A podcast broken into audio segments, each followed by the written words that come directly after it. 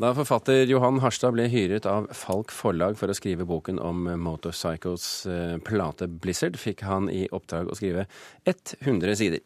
Da han var ferdig, ble fasiten 332. Johan Harstad, velkommen til Kulturnytt. Takk skal du ha. Hvorfor ble boken så lang? Altså, først vil jeg bare si at det, dette her med at den skulle være 100 sider, ble ikke kommunisert fullt så tydelig til meg som forlaget kanskje ønsker. da.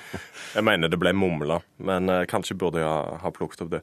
Den ble så, så lang, for det var den eneste måten jeg kunne yte det stoffet rettferdighet på, rett og slett.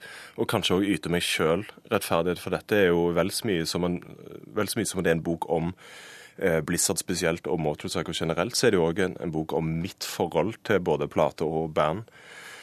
Og eh, litt på samme måten som, som bandet alltid har, har søkt å, å, være kompromissløse, så kjente jeg at jeg var nødt til å være det i min egen omgang med det stoffet òg. Og dermed så, så endte jeg opp på, på, den lengden der. De har jo ikke brydd seg om eh, treminutters poplåter i nevneverdig grad, med Motorcycle heller? Nei, de har jo ikke det. Og de, har jo, eh, de holder jo dobbeltalbum veldig høyt. Og på mange måter så er jo dette òg et slags dobbeltalbum eh, der liksom eh, den ene delen av boka ligger der, og så har man dette fotnoteapparatet som er en slags andre plate. da. Dette er jo eh, en tjeneste til motorcycle-fansen, går jeg ut fra? Ja, altså det, det, er jo en, en tjeneste Halve boka, det skyldes å si, er jo da fotnoter. Ja, den er jo faktisk det.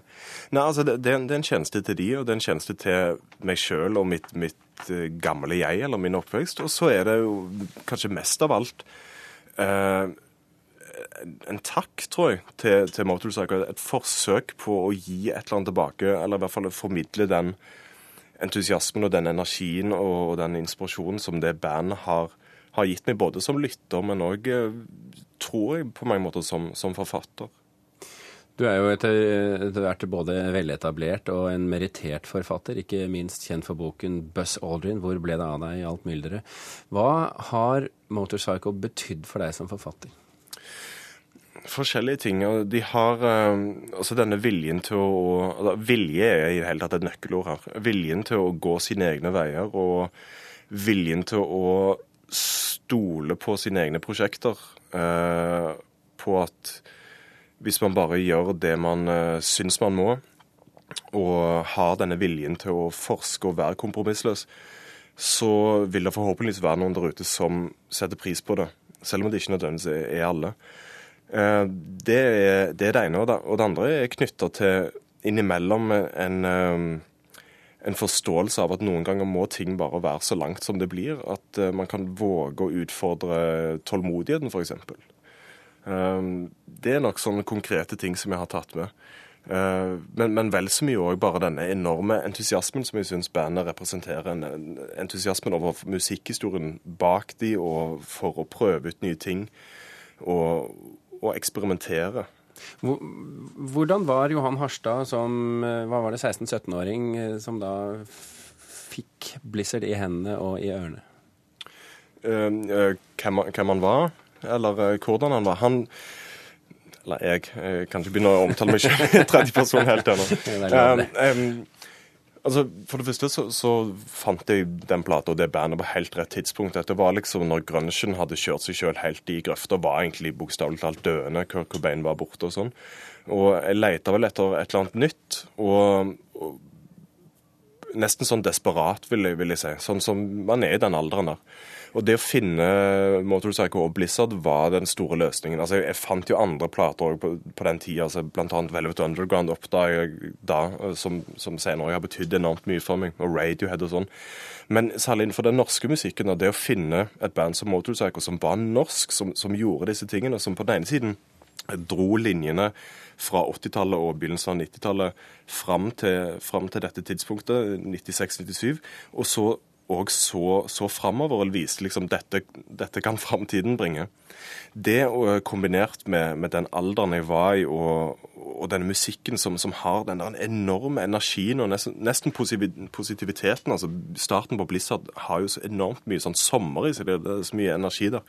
Og så har den all den aggresjonen som, som, ligger latent, som noen ganger bryter gjennom. Og det, det tror jeg det harmonerte nesten skremmende godt med min livsfølelse, tror jeg. Hvordan var det da å ta frem denne skiveien som voksen mann? Det var, det, var, det var dritskummelt, eh, fordi alt står plutselig på, på spill. Fordi den er så koda med hele min og, og, og mange andres òg. Oppvekst. altså Den, den er jo som sånn tjukt fotalbum, så, så, ting står på, på spill.